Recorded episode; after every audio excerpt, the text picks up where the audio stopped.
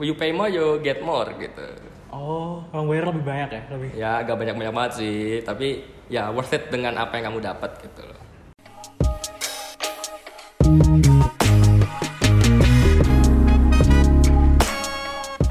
Halo semuanya, selamat datang di podcast Let's Talk. Untuk episode pertama kita kedatangan Mas Anggito dari jurusan Informatika IPWI. Silahkan Mas Anggito. Halo halo aku Anggito dari Informatika IP angkatan 2021 alias angkatan pertama nih Iya, angkatan pertama nih. Eh, gimana kabarnya hari ini nih?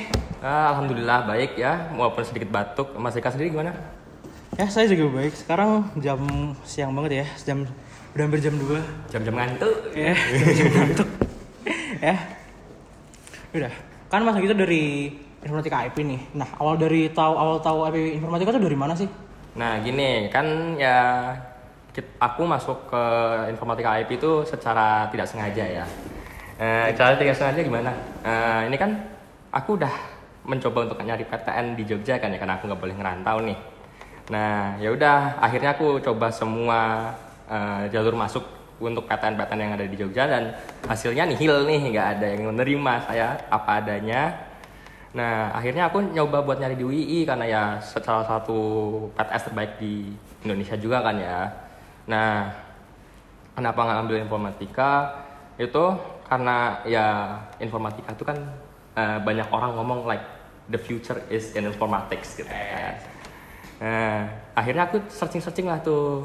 Tapi pas awalnya masih yang reguler karena kan ya aku nggak tahu tuh kalau ada yang IP. Nah, akhirnya aku search lagi lebih dalam lebih dalam sampai ke biaya-biayanya. Ini ya terus ternyata di tabel itu ada informatics IP nah akhirnya aku kepoin lah tuh Instagramnya informatics UII nah di situ ada kayak eh, post yang dia tuh ngebuka eh, kelas informatika IP tuh. Oh aku tanya-tanya lah tuh "Halo- halo kak. Eh, ini untuk informatics IP apakah baru angkatan pertama dan kawan-kawannya?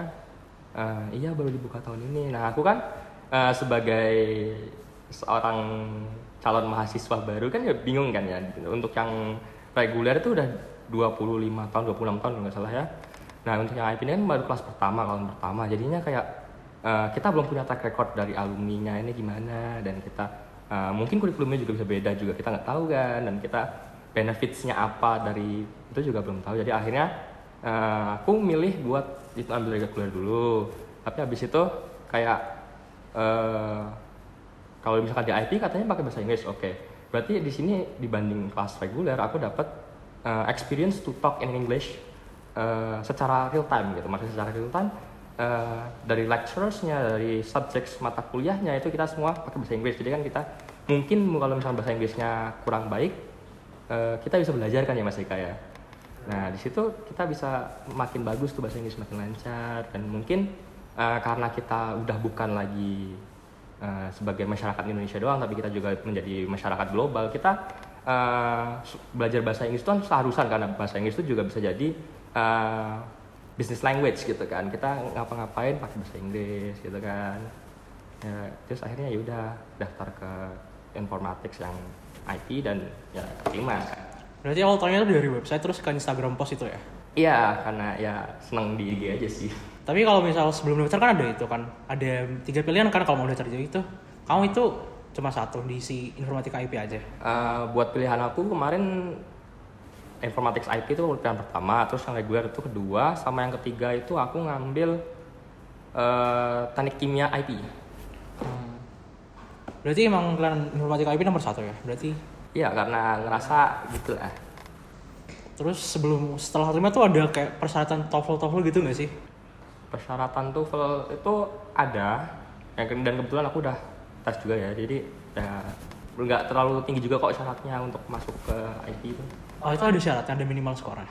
Minimal skornya ada kayaknya, kalau nggak salah 450 atau 500 gitu. Tinggi juga ya. Saya sebagai yang tidak bisa bahasa Inggris, Ya Mas Eka, kan Mas Eka bukan TOEFL ya, pakai IELTS kan ya? tadi semester 1 online ya? Terus Ya. semester 2 offline atau online lagi? Eh, semester 2 kita alhamdulillah dapat offline ya, full class lagi. Full offline semuanya. Iya, full offline dan kita ya karena kita udah full offline nih, jadi kita bisa ketemu sama teman-teman kita, termasuk sama kamu ya Mas Eka ya. Oh iya. terus lebih enak offline atau online menurut kamu ya? Kalau buat aku eh enakan offline kalau misalkan buat eh, pelajarannya ya karena kayak eh, namanya ngoding kan pasti butuh praktek gitu dan kalau Mainnya enaknya buat buat ujian ya. Iya. kalau Iya ujian sih? online tuh oke gitu kan kita Tapi bisa. enak kalau ujiannya online kalau berarti kita kan kita kan ujiannya offline berarti lebih gak enak aja gitu. Ya kalau offline ya plus minus lah ya karena kayak eh, itu tapi kan kita di sini buat mencari ilmu. Iya mencari Ya. ilmu. Nah terus gimana rasanya? Kan selama kan udah setahun ya udah hampir setahun. Gimana rasanya jadi angkatan pertama informatika IP itu kayak gimana? Eh, Oke, ini udah setahun ya. Jadi rasa-rasanya nano-nano lah. Kayak eh, kita kan masih angkatan pertama, kita nggak punya source of information yang kayak eh, nanti dosennya bakalnya ketemu ini ini ini kan kita nggak tahu siapa aja gitu. Nah di semester 1 kan eh, kita masih online ya kan. Kita masih Itu online ya. Kalau itu dari semester 1 dari bulan pertama sampai sampai iya masih offline kan masih offline itu ya kita pakai zoom masih ya ad- adaptasi lah kayak dari biasa mahasiswa eh dari siswa SMA ke mahasiswa kan. Itu masih adaptasi banget. Apalagi eh, kita di IP kan masih baru jadinya. Eh, mungkin kayak materi-materinya juga masih apa ya mencoba untuk adapt lah gitu. Tapi first impression waktu pertama kali diajar sama dosen pakai bahasa Inggris gimana? Eh, pertama kali diajar pakai bahasa Inggris sama dosen tuh buat aku not a new experience ya maksudnya kayak aku dulu pernah emang pernah eh, sekolah pakai bahasa Inggris gitu ya maksudnya yang full English gitu jadi ya it's have a- apa ya cukup fun lah Bang di udah dari kecil dia dipakai bahasa Inggris ya? iya gitu Oh. Tapi kan sebelum masuk IP itu ada ekspektasi nggak kalau misal dosennya tuh uh, mungkin bahasa Inggrisnya bakal kayak bener-bener lancar banget gak bisa dimengerti tapi atau gimana? Atau punya ekspektasi sama sekali nggak? Eh, kalau buat ekspektasi bahasa Inggris dosen ya aku kayak karena masih angkatan pertama juga jadi eh, mungkin ada beberapa dosen yang mungkin bahasa Inggris itu udah kayak native, udah professional gitu, level gitu. Ada yang mungkin masih belajar itu it's okay karena everyone deserve to study kan, nggak nggak masalah usianya, yang penting belajar terus. Gitu. Merasa improve gak sih bahasa Inggris kamu dari awal masuk tuh? Eh, karena gimana ya? Cukup improve cukup ya. Maksudnya kayak kapan lah lama nggak pakai bahasa Indonesia eh, bahasa Inggris. Nah terus eh, kita adapting lagi kan karena eh, lama pakai bahasa Indonesia kita berusaha untuk beru- merubah translate gitu di otak kan kayak eh, aku mau ngomong begini aku harus mikir dulu di sini. Nah itu semakin ke sini semakin kayak oh ya udah langsung ku ucapin bisa gitu. Kalau misal on a scale of 1 to 10 tuh bahasa Inggris kamu sebelum dari IP sampai sekarang di IP tuh dari angka berapa ke berapa? Eh, sebelum masuk IP aku bilang 6 out of 10 lah. Kalau misalkan udah satu tahun di sini jadi 7 atau 8 gitu bisa. Keren banget berarti ya. Terus kan juga udah setahun ini, ada nggak sih benefit yang dirasain selama jadi mahasiswa IP nih? Eh, benefit yang dirasain jadi mahasiswa IP ya, ya itu tadi ya, misal kita bisa secara langsung melatih bahasa Inggris kita sama teman-teman kita, sama dosen kita. Ya karena lingkungan kita kan full English gitu kan dari tugas, dari ini semuanya dalam bahasa Inggris. Jadi kita mau nggak mau misalkan kita emang nggak bisa bahasa Inggris, kita dipaksa untuk bisa karena kita akhirnya, translate, kita akhirnya dengerin eh, dosennya pakai bahasa Inggris kan otomatis kita harus ngertiin tuh. Gitu. Hmm. Ah, selain bahasa Inggris tuh ada benefit kayak apa keluar negeri keluar gitu gak sih untuk anak IB? Eh, pastinya ada, tapi mungkin eh, untuk informatika untuk sekarang belum ya. Soalnya belum ada event yang keluar negeri gitu. Eh, jadi eh, recently aku baru aja ada event ya, itu yang negarain ilmu komunikasi IP ya dan informatika IP itu eh, bekerja sama gitu sama mereka. Itu namanya P2A Ice Cream, eh, singkatan dari Passage to ASEAN eh, International Student Conference on Creative Media Workshop gitu ya. Dia diselenggarain di dua negara di Malaysia sama Thailand gitu ya mas. Itu eventnya tentang apa aja? Bu? Eh, jadi seperti namanya ya. Jadi kita pertama itu ada eh, international student seminarnya itu yang conference sama yang kedua itu kita ada creative media workshop. Nah, itu apa sih creative media workshop itu? Eh, dia itu kita ditugaskan atau diberi uh, goal atau ya output yang harus kita hasilkan dari program itu tuh uh, ada pilihan dua pilihan antara bikin video ataupun uh, bikin kayak foto-foto tentang foto story gitu. Kalau yang tadi sebelumnya itu International Student Work apa conference itu gimana? Uh, jadi kita di seminar itu tuh kita jadi uh, speakers gitu loh. Ya, dari speakers itu ada delegasi dari UI, UUM sama SDU. Itu universitas dari mana aja sih tadi? Maksudnya Kalau yang untuk UUM atau Universitas Utara Malaysia itu dari Malaysia ya. Untuk yang SDU itu dari Thailand. Ah, Oke. Terus itu eventnya tuh emang untuk khusus anak KIP ya? Eh, sejauh ini iya karena sebe- apa namanya eh, program itu tuh diikuti sama tiga program yaitu ilmu komunikasi IP, informatika IP, sama hubungan internasional IP. Berarti tuh emang khusus anak KIP aja ya, maksudnya ah, anak reguler bakal jarang dapat kesempatan untuk kayak gitu ya. Eh, mungkin iya karena ini kalau buat untuk eh, anak ilmu komunikasi yang IP ini setara 2 SKS ya. Tapi untuk eh, program kayak hubungan internasional dan eh, informatika seperti aku ini cuma dapat SKP. Terus kan ke ke Malaysia sama ke Thailand nih. Nah, ke negara lain tuh ada ada gak sih culture shock yang dirasain? Culture shock.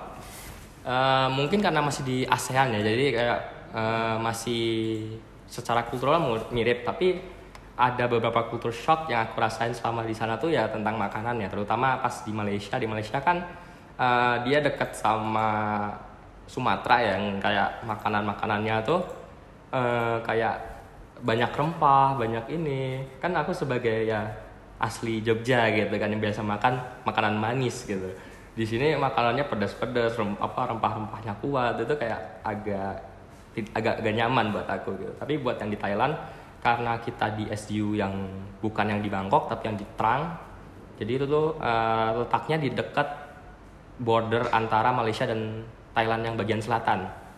Nah di situ masih kayak eh, dekat laut kan ya dekat Phuket kalau nggak salah itu masih banyak seafood jadi masih bisa masuk lah. Itu berapa hari sih kayak itu ke negara lain? Malaysia sama Thailand? Buat event itu ada kayak 10 hari di dua negara itu. Itu berapa hari di Malaysia, berapa hari di Thailand? Eh, untuk yang di Malaysia itu kayaknya seminggu dan yang di Thailand tuh tiga hari. Yang berarti tuh sebenarnya cuma dua itu apa tadi yang kegiatan yang laksanain International Student Conference sama Creative Workshop. Iya. Kan itu kan itu eventnya. Kalau misal selain event kayak jalan-jalan ke mana aja sih selama kayak itu? Oh, oh. Malaysia sama Jadi untuk eh, creative media workshop ini kan seperti yang aku bilang tadi kita ditugasin buat bikin output antara foto story dan eh, video ya. Dan untuk ini nih kita dikasih kesempatan buat eh, urban walking namanya.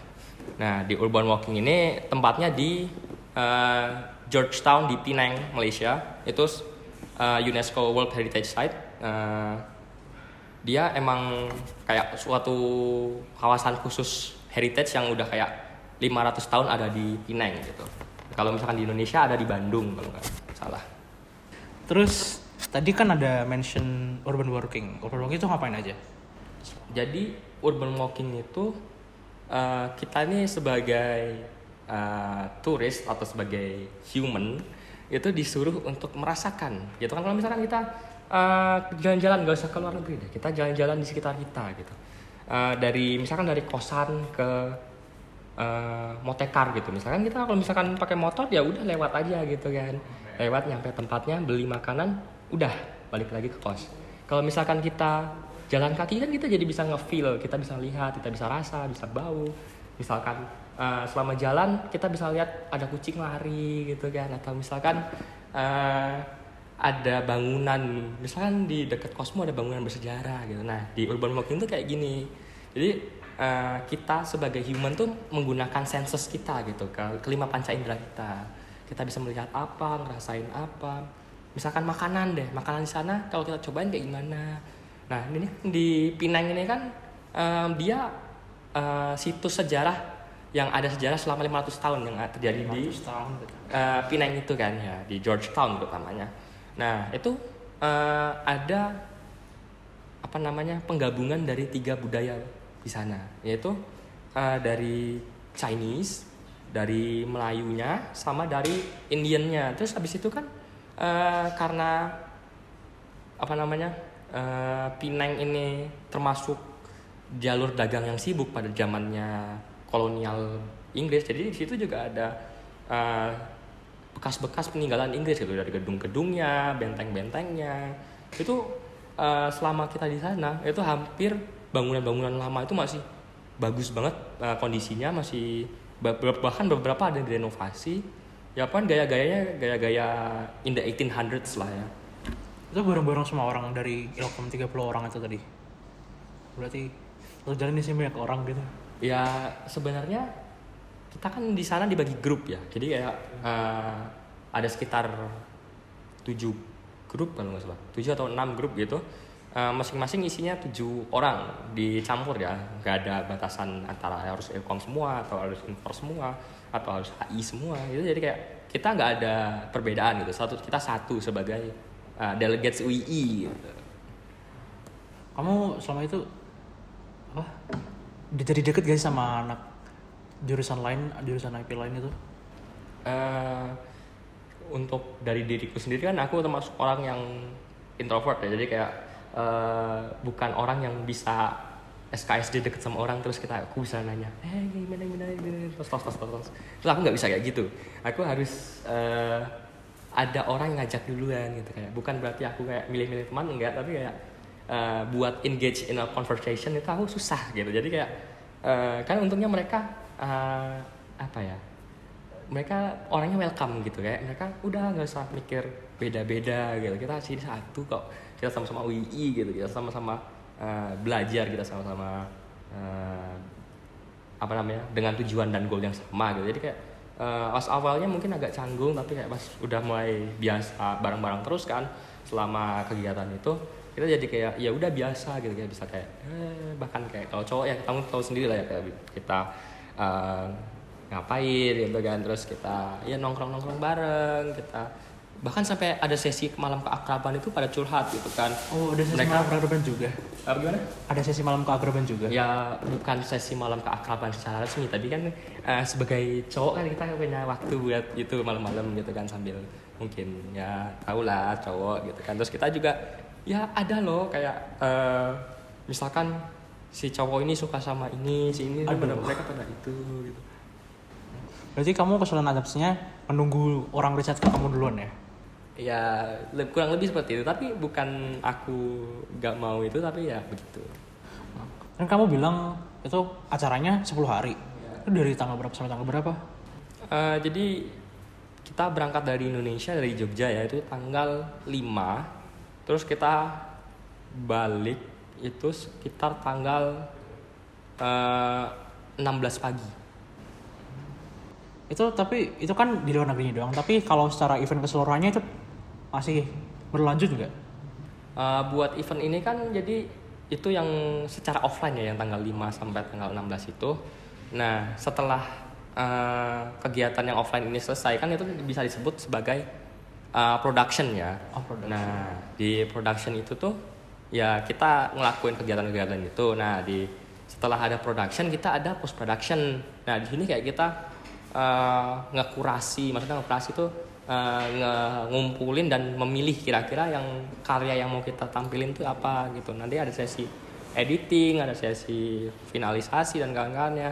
Terus nanti kalau misalkan udah jadi satu produk entah itu foto story atau entah itu uh, video baik itu dokumenter, vlog atau apa, itu nanti uh, selesainya bakal diunggah.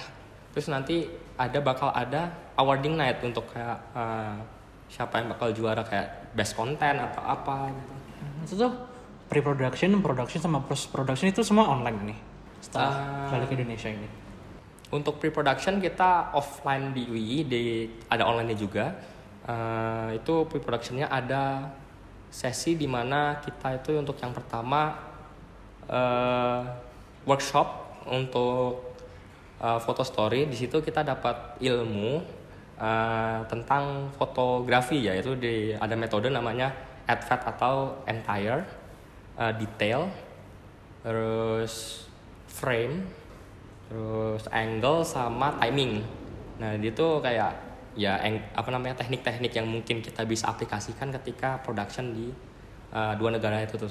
Nah, terus untuk uh, yang workshop kedua di uh, bagian pre-production itu ada ya videografi. Nah, itu kayak kita basic shooting kayak gimana, ada kamera angle apa aja, terus uh, mungkin ada teknik yang bisa dipakai kayak mungkin uh, ada pan, ada tail, apa apa gitu kan dalam videografi itu kan ada macam-macam gerakan, ada macam-macam uh, shootingan kayak ada close up, ada medium close up, ada extreme close up dan panoramanya gitu. Itu banyak free time gak sih waktu ada event di, di luar negeri tuh?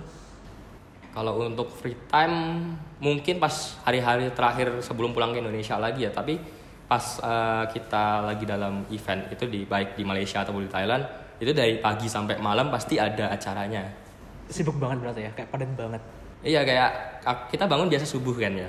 Subuh itu kita sudah mandi, udah sarapan, habis sarapan kita ada aktiviti-aktiviti yang mungkin kayak misalkan eh, di hari pertama kita udah urban walking di Pineng itu kan. Itu dari jam 8 pagi sampai jam 5 sore itu kita jalan-jalan sekitar Pineng. Aku kayak dapat di walking recordku itu dapat kayak sekitar 5 atau 6 km jalan kaki.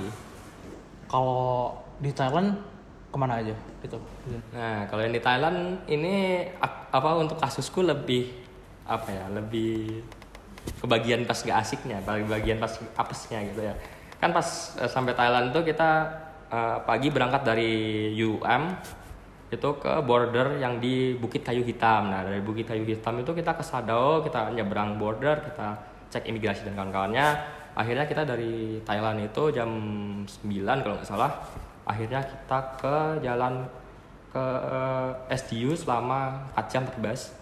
Nah, dari situ kita diajak jalan-jalan ke eh, sebuah goa namanya apa?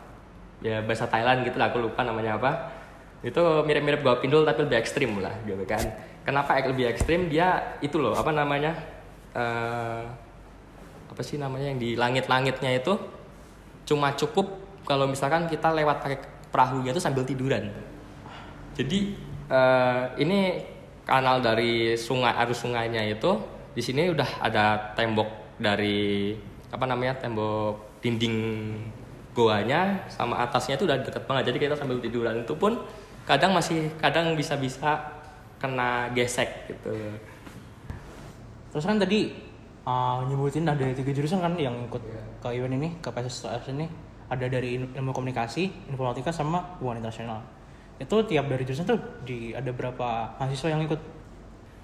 Eh, untuk mahasiswanya kebanyakan anak ilkom ya. Kalau anak ilkom tuh kayaknya hampir 30-an siswa ya. Ini kan bukan cuma satu angkatan ya bukan cuma angkatan 21 ini ada angkatan 19 sama angkatan 20 dari yang anak ilmu komunikasi. Tapi buat yang hubungan internasional sama yang informatika itu masing-masing tiga siswa. Kalau yang dari jurusan kamu tiga orang tuh siapa aja? Nah, kalau untuk yang dari jurusan informatika tuh ada aku, ada Farel, sama ada Nuges. Oh, Oke oke. Wah seru banget ya kalau di IP. Iya seru karena ya ya you get you pay more you get more gitu. Oh, orang bayar lebih banyak ya, lebih. Ya agak banyak banyak banget sih, tapi ya worth it dengan apa yang kamu dapat gitu loh. Terus ada nggak pesan dan kesan yang untuk angkatan yang ingin daftar IP nanti? Eh, kesan dan pesannya buat anak informatika IP yang mau daftar hmm, apa ya pokoknya jangan takut ya dengan misalkan bahasa Inggris kamu ah bahasa Inggrisku jelek atau apa. Itu jangan takut karena ya tadi belajar itu tidak mengenal usia dan pasti di kelas juga nggak semuanya itu tiba-tiba jago tiba-tiba apa. Itu pasti kita bisa proses bareng-bareng gitu kan. Kayak ya kalau misalkan kamu emang mau berjalan cepat kan kamu berjalan sendiri gitu kamu itu sendiri. Tapi kalau misalkan kita berprogres bareng teman-teman kita kita bisa berjalan jauh gitu. Ada nggak sih kelas tambahan di IP gitu yang buat nambahin biar bahasa Inggrisnya lebih bagus lagi gitu? Nah, Atau itu kita ada tuh. belajar sendiri? Nah itu ada dari eh, dari program IP itu ada kelas eh, bahasa Inggris itu dia eh, buat lebih ngelancarin eh, bahasa Inggris kita gitu. Kita juga diajarin tentang grammar, tentang vocabulary kita dan itu free of charge ya jadi nggak di Berarti udah termasuk dalam biaya yang bayar. Oke, ya sudah makasih banget Mas Gito buat ya waktunya sama-sama Mas Eka dan terima kasih semuanya udah menonton. Wassalamualaikum warahmatullahi wabarakatuh.